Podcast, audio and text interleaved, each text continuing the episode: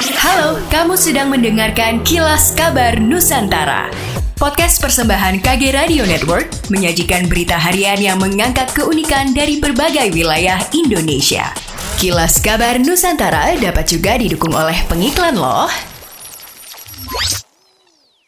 Pemerintah Provinsi Sulawesi Selatan menyatakan sejumlah proyek telah dianggarkan pada APBN 2023 melalui Kementerian PUPR. Di antaranya kelanjutan proyek strategis nasional PSN, irigasi, dan infrastruktur lainnya.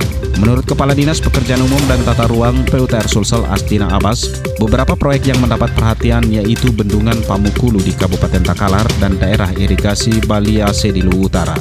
Selain itu ada juga rehabilitasi daerah irigasi Sadang serta proyek infrastruktur jalan.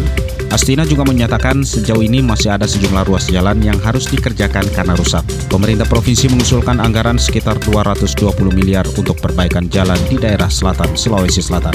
Sementara untuk proyek sistem penyediaan air minum Spam Maminasata, Astina menuturkan pihaknya masih menunggu petunjuk dari pemerintah pusat. Hingga kini proyek tersebut belum dilelang.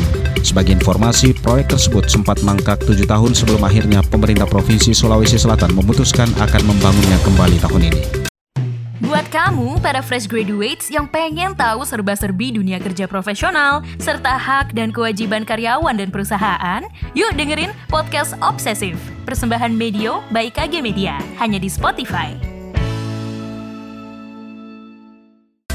Pemerintah pusat berencana mengimpor 500 ribu ton beras dalam waktu dekat. Hal tersebut merupakan upaya dalam mengamankan stok cadangan beras. Menanggapi hal ini, Kepala Dinas Tanaman Pangan, Hortikultura, dan Perkebunan Sulawesi Selatan Imran Jauzi menilai rencana impor tidak perlu mengingat ketersediaan masih cukup. Khusus di Sulawesi Selatan terjadi surplus beras yang cukup tinggi. Kondisi itu menjadikan Sulawesi Selatan sebagai penyuplai beras ke provinsi lain di Indonesia. Bahkan Imran mengaku pihaknya siap memasok beras ke gudang Bulog guna memenuhi kebutuhan cadangan beras pemerintah Pemerintah atau JBP. Sebelumnya, Himpunan Kerukunan Tani Indonesia HKTI Provinsi Sulawesi Selatan menolak rencana kebijakan impor beras oleh pemerintah pusat. Alasannya sejumlah daerah akan memasuki musim panen. Ketua HKTI Sulawesi Selatan Lutfi Halido mengatakan Sulsel tidak pernah kehabisan beras. Berdasarkan data BPS, Sulawesi Selatan punya lahan panen seluas 1,4 juta hektar. Dari luasan itu bisa menghasilkan lebih dari 5 juta kilogram gabah kering giling. Jika dikonversi, maka menghasilkan hampir 4 juta kilogram beras. Sementara kebutuhan beras warga Sulawesi Selatan hanya 1 juta kilogram lebih. Untuk diketahui, Menteri Perdagangan Zulkifli Hasan sudah memberikan izin impor beras 500 ribu ton.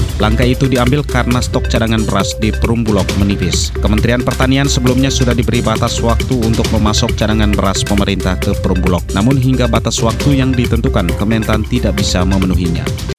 Demikianlah kilas kabar Nusantara malam ini.